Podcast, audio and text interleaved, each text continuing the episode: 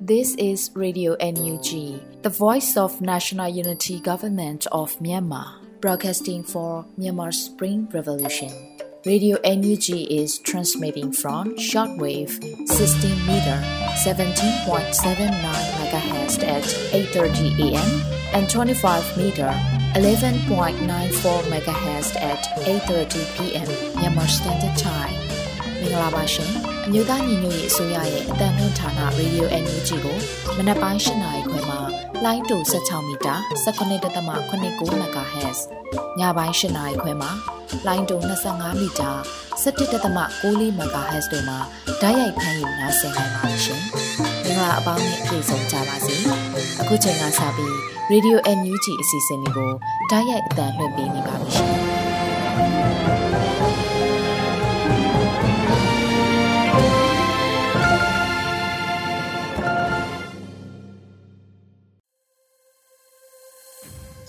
မင်္ဂလာနံနက်ခင်းပါရှင်ရေဒီယို NUG ကိုနားဆင်နေကြတဲ့မိဘပြည်သူများနဲ့မြန်မာနိုင်ငံသူနိုင်ငံသားအပေါင်းတဘာဝပေးဆရာနာရှင်ပေတို့ကနေကင်းဝေးပြီးကိုစိတ်နှပါဘေးကင်းလုံခြုံကြပါစေလို့ရေဒီယို NUG အဖွဲ့သားများကဆုတောင်းမေတ္တာပို့သလိုက်ပါတယ်အခုချိန်ကစပြီးဇူလိုင်လ9ရက်နေ့ရေဒီယို NUG ရဲ့မနက်ခင်းအစီအစဉ်လေးကိုစတင်ထုတ်လွှင့်ပေးတော့မှာဖြစ်ပါတယ်ပထမအဆုံးအနေနဲ့ကာကွယ်ရေးဝန်ကြီးဌာနရဲ့စီရေးသတင်းအချင်းချုပ်ကိုຫນွေဦးမောင်မှဖတ်ကြားတင်ပြပေးမှာဖြစ်ပါတယ်ရှင်။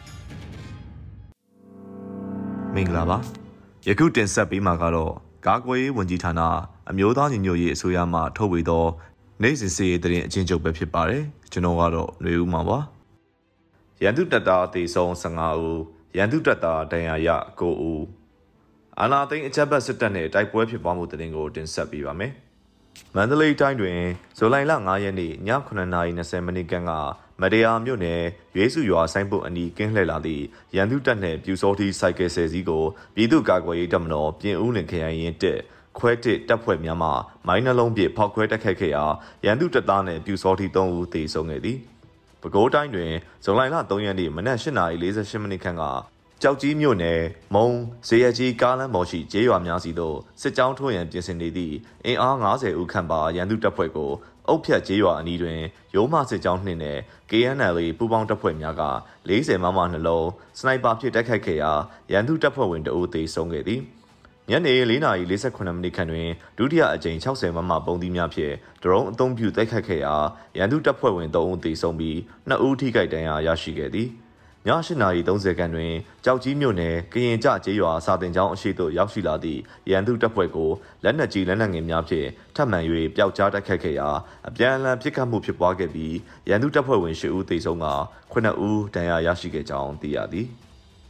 အာနာသိန်းအကြံပတ်စစ်တပ်ကျူးလွန်သောရာဇဝတ်မှုများကိုတင်ဆက်ပေးပါမယ်။မန္တလေးတိုင်းတွင်ဇူလိုင်လ9ရက်နေ့ည6:30ခန်းတွင်မတရားမြို့နယ်အနောက်ဘက်ရွှေဘိုကြီးရွာတောချောင်းတွင် ရွှေချောင်းရွာဘက်မှဖျက်၍လာသည့်ရန်သူစစ်အား38ဦးခန့်တပ်ဆွဲထားပြီးကျေးရွာနေပြည်သူ40ဦးဝန်းကျင်ခန့်ကိုဖမ်းဆီးပြီးစစ်ဆေးကပြန်လွှတ်ပေးခဲ့ကြောင်းသိရသည်။မကွေးတိုင်းတွင်ဇူလိုင်လ9ရက်နေ့တွင်ကံကောမြို့နယ်မြောက်ခင်းရရွာအခြေပြုရန်သူတပ်နှင့်နေမြေကန်ပြူစောတီပူးပေါင်းအင်အား 80ခန်းကတင်တော်ရွာသို့စစ်ကြောင်း၃ကြောင်းခွဲ၍ဝင်ရောက်ခဲ့ပြီးစစ်ရှောင်းတောတိုက်များအတွင်ဝင်ရောက်ကတင်တော်ရွာဒေသခံကိုကျော်မင်းဦး၏ခိုင်းနွား၄ကောင်စမတ်ဖုန်းနှလုံးကိုညိုဆွေ၏ခိုင်းနွား၂ကောင်စမတ်ဖုန်းတစ်လုံးမိဖို့ကြောင့်သုံးပစ္စည်းများပါမကြမ်းအိမ်သုံးပစ္စည်းများကိုအကြမ်းဖက်သိမ်းယူခဲ့ပြီးရာတဲဆောင်ပြည်သူတို့ကိုလေပင်ဓာတ်ထောက်ကချင်းချမှုများပြုလုပ်ခဲ့သည် အေယာဝတီတိုင်းတွင်ဇူလိုင်လ9ရက်နေ့ကမသိမ်မြို့နယ်ချောင်းသာမြို့နယ်ခွဲကံကြီးကျေးရွာနှင့်ကညင်ကွင်းကျေးရွာရှိရွာသားများကိုကြန့်ခိုင်ရေးပါတီသို့မဖြစ်မနေဝင်ရောက်ရမည်ဖြစ်ပြီးမဝင်ရောက်လျင်ပုံကန်သူများအဖြစ်ကြေညာမည်ဖြစ်ကြောင်းထိုရွာများတွင်အစည်းအဝေးပြုလုပ်ခဲ့သည်ထိုအစည်းအဝေးသို့ချောင်းသာမြို့နယ်မှကြန့်ခိုင်ရေးပါတီခေါင်းဆောင်များလာရောက်ပြုလုပ်ခဲ့ခြင်းဖြစ်ကြောင်းသိရသည်ယခုတင်ဆက်ပေးခဲ့တာကတော့ကာကွယ်ရေးဝန်ကြီးဌာနအမျိုးသားညီညွတ်ရေးအစိုးရမှထုတ်ဝေသောနိုင်စဉ်စည်ရေးတင်အချင်းချုပ်ပဲဖြစ်ပါတယ်။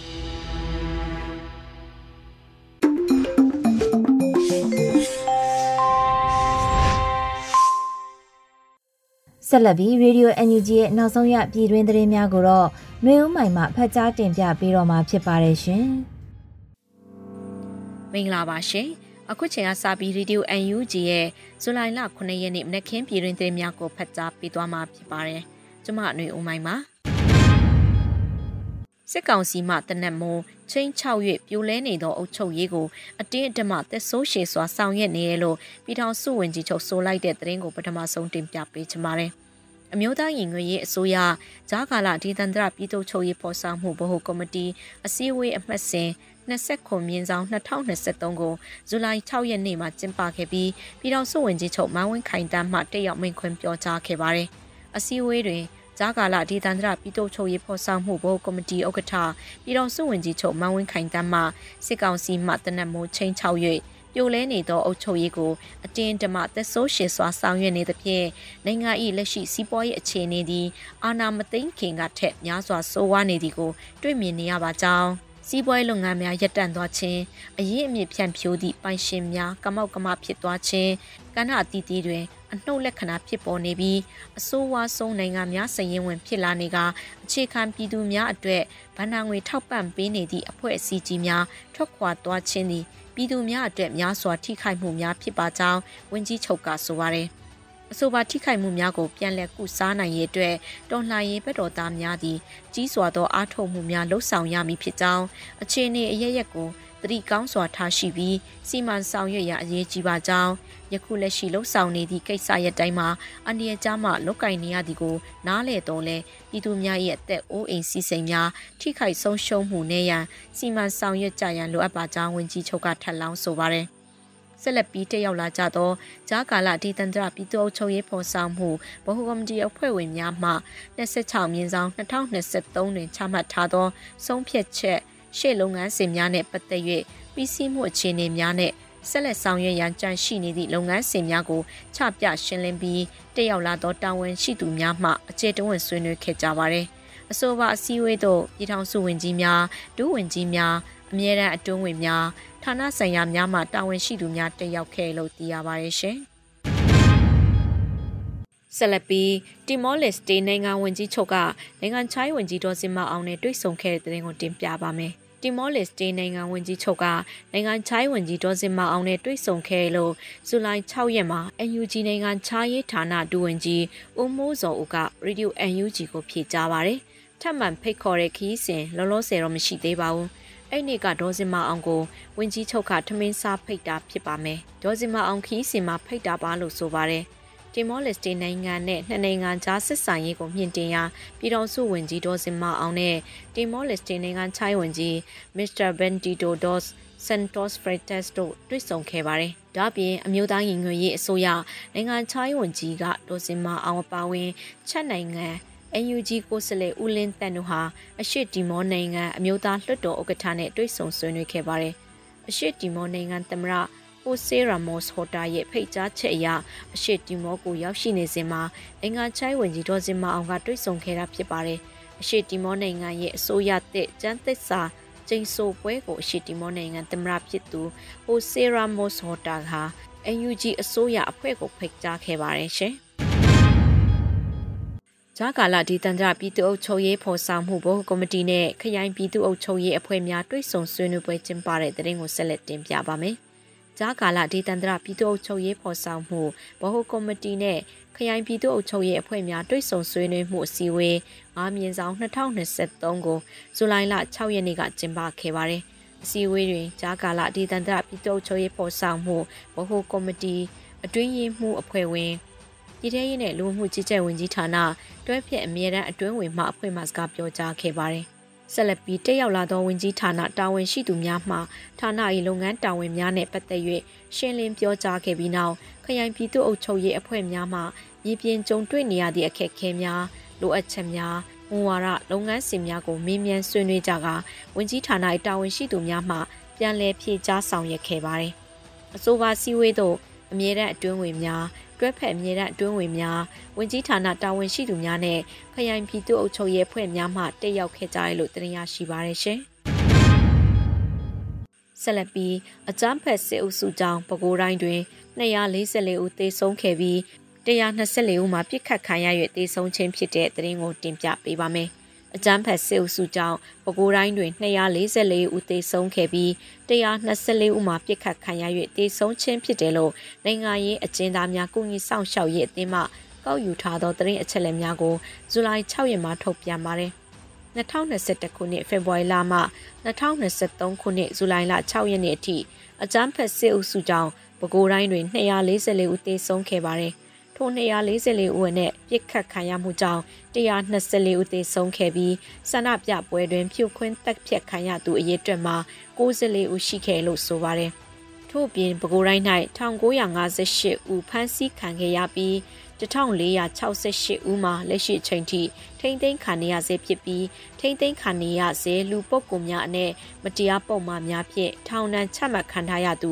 492ဦးပါဝင်တယ်လို့သိရပါတယ်ရှင်။ CDF KKG အခြေခံစစ်တင်တန်းစင်ပွဲကျင်းပတဲ့တဲ့ကိုဆက်လက်တင်ပြပါမယ်။ဇူလိုင်6ရက်မှာ CDF KKG အခြေခံစစ်တင်တန်းစင်ပွဲကျင်းပခဲ့လို့ Children Defense Force ကလေးကဘော်ကန်ကောကအတီးပေးဖော်ပြပါရတယ်။ CDF ခက်ခဲကြီးမှလေ့ကျင့်သင်ကြားပေးခဲ့သောအခြေခံစစ်ပညာသင်တန်းသင်တန်းဆင်းပွဲအခမ်းအနားကိုလွန်ခဲ့သောရက်ပိုင်းကအောင်မြင်စွာကျင်းပခဲ့လို့သိရပါတယ်။ သင်တန်းဆင်းပွဲသို့ CDF ခက်ခဲကြီးမှတာဝန်ရှိသူများဖိတ်ကြားထားသောဧည့်သည်တော်များတက်ရောက်ခဲ့ကြပြီးစစ်ရေးပြအလှဆုံးစုလက်ပြောင်စုဇွဲစုနဲ့စံပြစုအစရှိသည့်တဦးချင်းထူးချွန်စုများကိုလည်းပေးအပ်ခဲ့ကြောင်းသိရှိရပါတယ်ရှင်။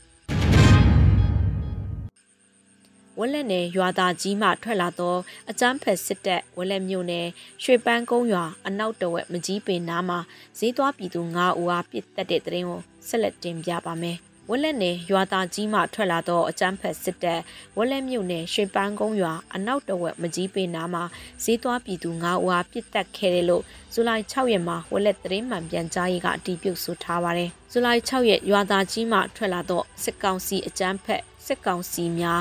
6နာရီ5မိနစ်အချိန်တွင်တမယိုးအရှိဘက်ရွှေပန်းကုန်းရွာအနောက်တဝက်မကြီးပင်နားမှာဈေးသွားပြည်သူ9ဝါပြစ်တက်ကတမယိုးရွာအတွင်းဝင်ရောက်စဉ် ပြည်သူ2ဝါပြစ်တက်ခဲ့လို့ဆိုပါတယ်။ဒါပြင်ပြည်သူ6ဦးလက်နက်ငယ်ထိမှန်ကတစားခါဖြစ်ရွာသား14ဦးအားဖမ်းဆီးခေါ်ဆောင်သွားပြီးငွေတွင်းရွာအရောက်တွင်73ဦးအားပြန်လည်လွှတ်လိုက်ခါကြံတအူးမှယခုချိန်ထိဖမ်းဆီးထားစေဟုဒေသခံများမှပြောကြားတယ်လို့ဆိုပါတယ်။သေဆုံးသူ9ဦးမှာအမျိုးသား3ဦးနဲ့အမျိုးသမီး4ဦးတို့ဖြစ်ပြီးအမျိုးသမီး2ဦးမှာကရုကိုင်ကျေးရွာမှာဖြစ်ကြောင်းသိရှိရပါတယ်ရှင်။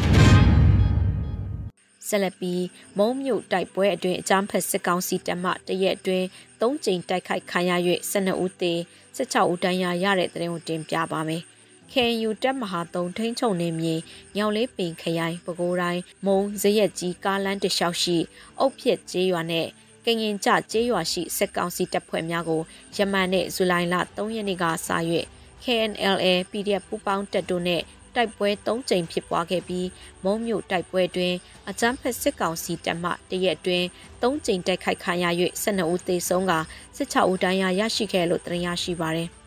အကြမ်းဖက်စစ်ကောင်စီထောက်ပို့လမ်းကြောင်းတစ်လျှောက်လုံခြုံရေးယူပေးရန်ရောက်ရှိလာသည့်စစ်ကောင်စီစစ်ကြောင်းကိုအုပ်ဖြက်ကျေးရွာအနီးတွင်နက်နက်အစောပိုင်းတွင်တစ်ကြိမ်နေ့လယ်ပိုင်းတွင်တစ်ကြိမ် drone ဖြင့်40မမ60မမပုံးသီးများအသုံးပြုတိုက်ခိုက်ခဲ့ရာတိုက်ခိုက်မှုတွင် ရန်သူဖက်မှ၄ဦးသေဆုံးခဲ့လို့သိရပါတယ်။ဇူလိုင်9ရက်နေ့ည8နာရီဝန်းကျင်တွင်ကငင်ကြရွာစာတင်ကျောင်းအရှိတို့ရောက်ရှိလာသည့်စစ်ကောင်စီတပ်ဖွဲ့ကို KNL ပူးပေါင်းအဖွဲ့မှလက်နက်ကြီးလက်နက်ငယ်များဖြင့်ထပ်မံ၍ပျောက်ကြားတိုက်ခိုက်ခဲ့ရာအပြန်လှန်ပစ်ခတ်မှုအတွင်းစစ်ကောင်စီတပ်သား၈ဦးသေဆုံးပြီး9ဦးဒဏ်ရာရရှိခဲ့ကြောင်းသိရပါဗျ။ ပဲခူးတိုင်းအတွင်းရှိမုံမြို့နယ်ထန်းတပင်မြို့နယ်ညောင်လေးပင်မြို့နယ်ကြောက်ကြီးမြို့နယ်ရွှေကျင်မြို့နယ်ဖြိုးမြို့နယ်တွင်စစ်ကောင်စီတပ်နဲ့ထိတွေ့တိုက်ပွဲများနေ့စဉ်ဖြစ်ပွားနေပြီးဇူလိုင်လ2ရက်နေ့ကလည်းညောင်လေးပင်မြို့နယ်ရှိချင်းချောင်းဖြတ်တရားအနီးတွင်စစ်ကောင်စီတပ်ဖွဲ့များနဲ့တော်လှန်ပူးပေါင်းတပ်ဖွဲ့တို့ထိတွေ့တိုက်ပွဲဖြစ်ပွားခဲ့ရာစစ်ကောင်စီတပ်သား14ဦးဝန်းကျင်သေဆုံးခဲ့ပါတယ်ရှင်။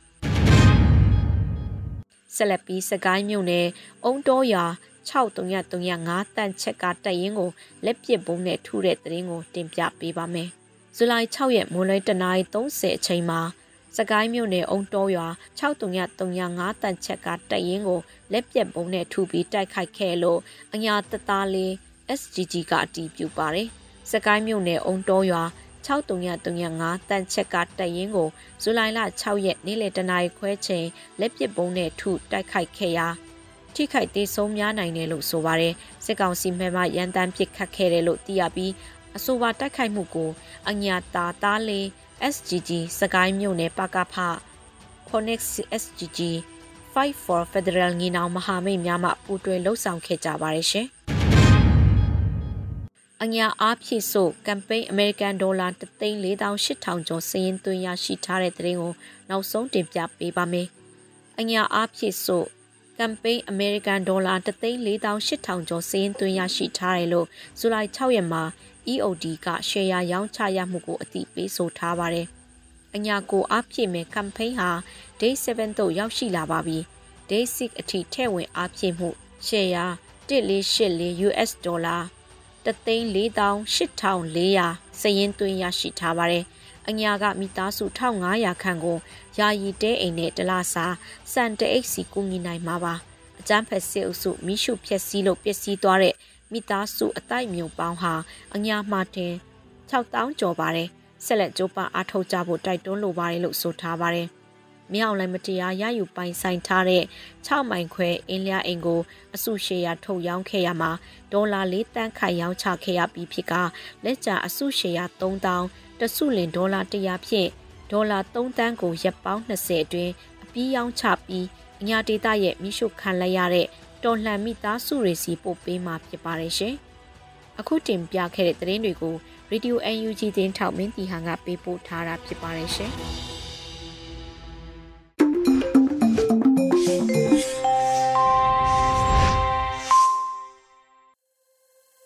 ရေဒီယိုအန်ဂျီဂျီမှဆက်လက်အတန်လှည့်ပေးနေပါတယ်။အခုတစ်ခါမှာတော့တော်လန်ရေးကဗျာအစီအစဉ်အနေနဲ့မောင်တွေထက်ရေးသားထားတဲ့ခေပြိုင်ပင်မှရေစည်းအစံတွေကငါကဗျာပကြီးကားတဲ့လို့အမည်ရတဲ့တော်လန်ရေးကဗျာကိုလွတ်လပ်ຫນွေဦးကခန်းစားရွတ်ဖတ်ထားတာကိုနားဆင်ရမှာဖြစ်ပါတယ်ရှင်။ခေပြိုင်ပင်မှရေစည်းအစံထဲကငါကဗျာပကြီးကားတဲ့ငါကငါခေကြီးကို ငါဘဝတစ်ခုလုံးရဲ့နှလုံးသားနဲ့ဖတ်နေတော့ငါကရက်ကြည့်နေတဲ့ပွဲကြည့်ကောင်မှမဟုတ်တာငါကအစိုးကြုံတဲကလက်သီးပုံးပြဝလုံးကောင်းတဲ့လက်သာပြနေတဲ့ကောင်လည်းမဟုတ်အစားထိုးမရတဲ့အသက်တွေနဲ့ငါတို့ဟာငါတို့ကြုံတွေ့နေရတဲ့ငရဲကန်းတွေကလွတ်မြောက်ရေးအတွက်ဝိညာဉ်တွေနဲ့ရည်နေကြတကယ်က ငါခေကြီးကိုငါဖတ်ပြီးငါသွေးမြည်ရည်တွေကျနေရတဲ့ကောင်ပါငါမြည်ရည်ကတမဏိနှင်းစီမြည်ရည်ဝေဒနာကြေကွဲမှုနဲ့လွမ်းစရာငါတန်တငါမျောလင့်စောင့်စားနေတာငါတို့အနာဂတ်ခေဦးကိုပါငါဘဝကိုနင်းသွားကြစမ်းပါရဲရဲသာနင်းသွားကြစမ်းပါငါနှလုံးသားကို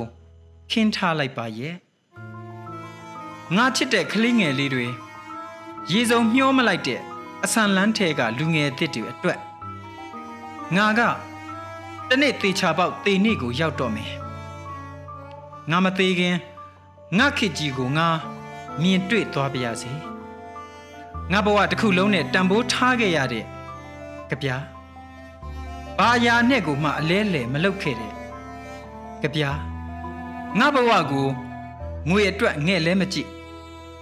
ကြပြာယုံကြည်ချက်ကိုကြပြာအကြီးခြုံပြီးရောင်းမစားခဲ့တဲ့ကောင်ကငါပါကြပြာအကြီးခြုံငွေကုန်မကူးခဲ့တဲ့ကောင်ကငါပါငါကလမ်းကြုံလို့ကြပြာဝင်ရေးနေတဲ့ကောင်မမဟုတ်တာအပေါ်စားကြော်ကြားမှုတွေထဲနှင်မွန်းကိုကြော်ညာကိုရေးပြနေတဲ့ကောင်မမဟုတ်တာခစ်ကြီးက ငါတို့ခေတ်ကြီးကငါကြပြအနုပညာကို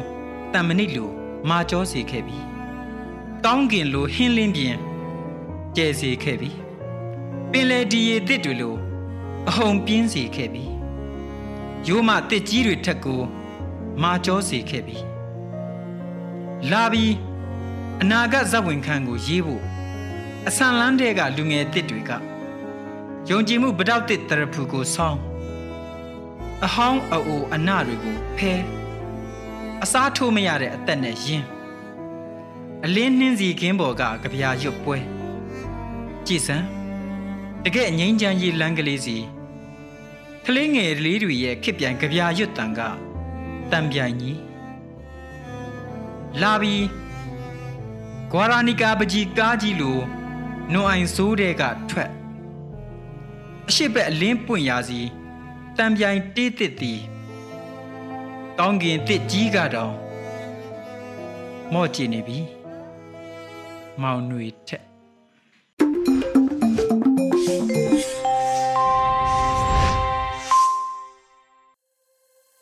အခုဆက်လက်ပြီးတရားဥပဒေစိုးမိုးမှုတစားတစဆိုးရွားပြည့်ယွင်းလာနေတဲ့မြန်မာနိုင်ငံကမြို့တွေလို့အမည်ရတဲ့မြန်မာနွေဦးခရိုနီကယ်ဇူလိုင်လ9ရက်မြင်ကွင်းမိုးမခဆောင်းပါးကို ဟိန်းကိုကိုကဖတ်ကြားတင်ပြပေးတော့မှာဖြစ်ပါတယ်ရှင်။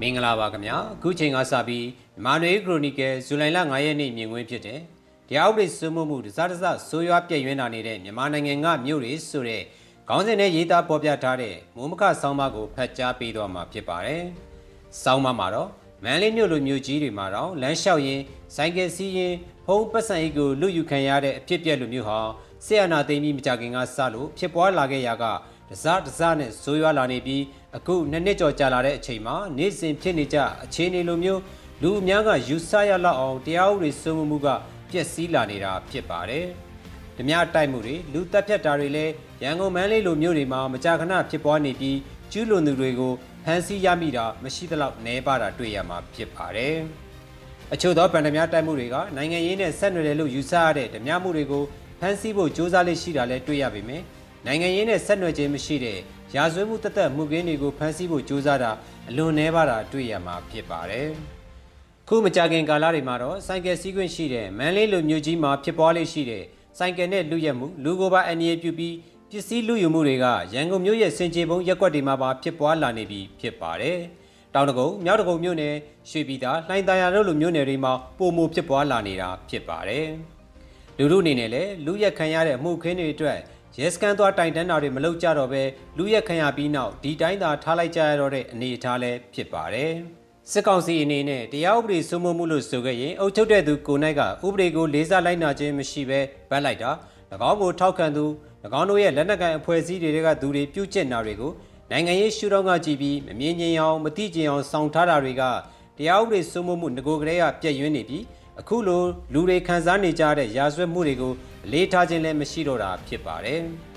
စစ်တပ်ကိုထောက်ခံသူရခင်ကစစ်မှုထမ်းခဲ့သူရဲကျေးအုပ်ချုပ်ရေးမှာပါဝင်နေသူတွေကိုပြစ်မှတ်ထားတဲ့လောက်ကြံတက်ဖြတ်မှုတွေကိုလည်းအချို့အဝက်သာဖော်ထုတ်ဖမ်းဆီးနိုင်တာဖြစ်ပြီးအများစုကဖမ်းဆီးနိုင်ခြင်းမရှိတာကိုကြည့်ရင်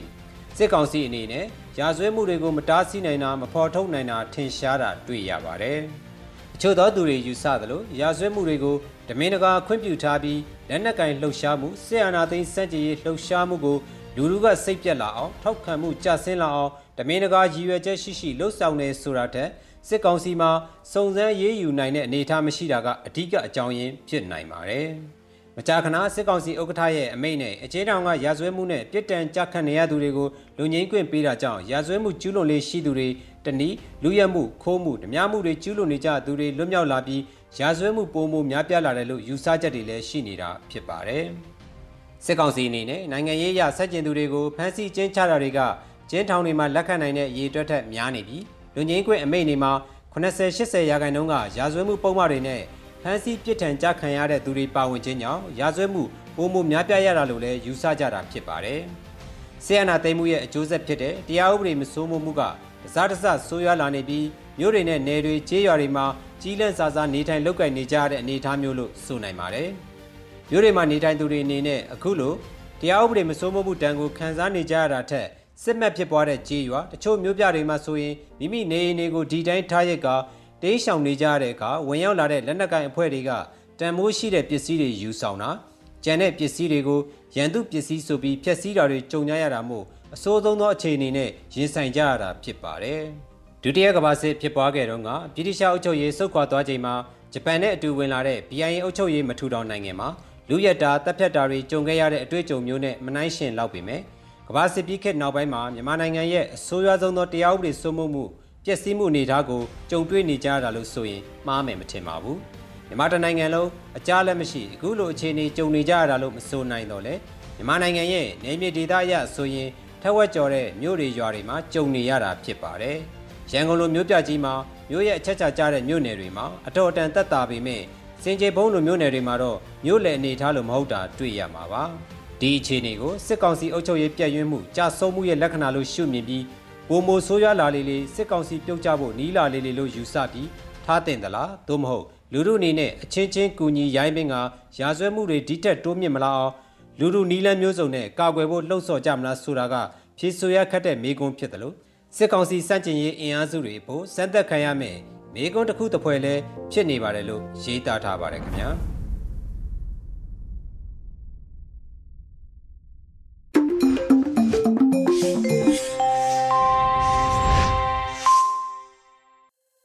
Radio UNG ရဲ့တော်လန်ရေးတိဂီတာအစီအစဉ်မှာတော့ကိုပေါက်ရေးသားထားပြီးမြင်းမော်ကွန်တီဆိုထားတဲ့လှမ်းခဲ့တော့တငယ်ချင်းလိုအမည်ရတဲ့တေးသချင်းကိုနားဆင်ရမှာဖြစ်ပါတယ်ရှင်။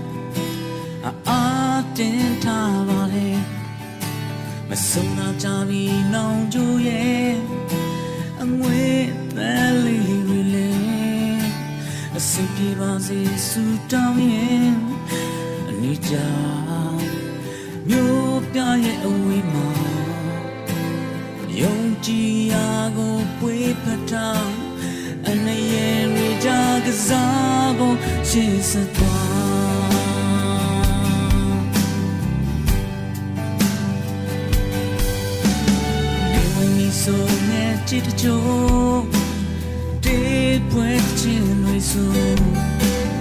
Mami lo nye ke su ye Ata ta cho in ti lo Smaki ya re ma ti ye Ni la Dora mya ta mo Tu ni ya re sue kai ta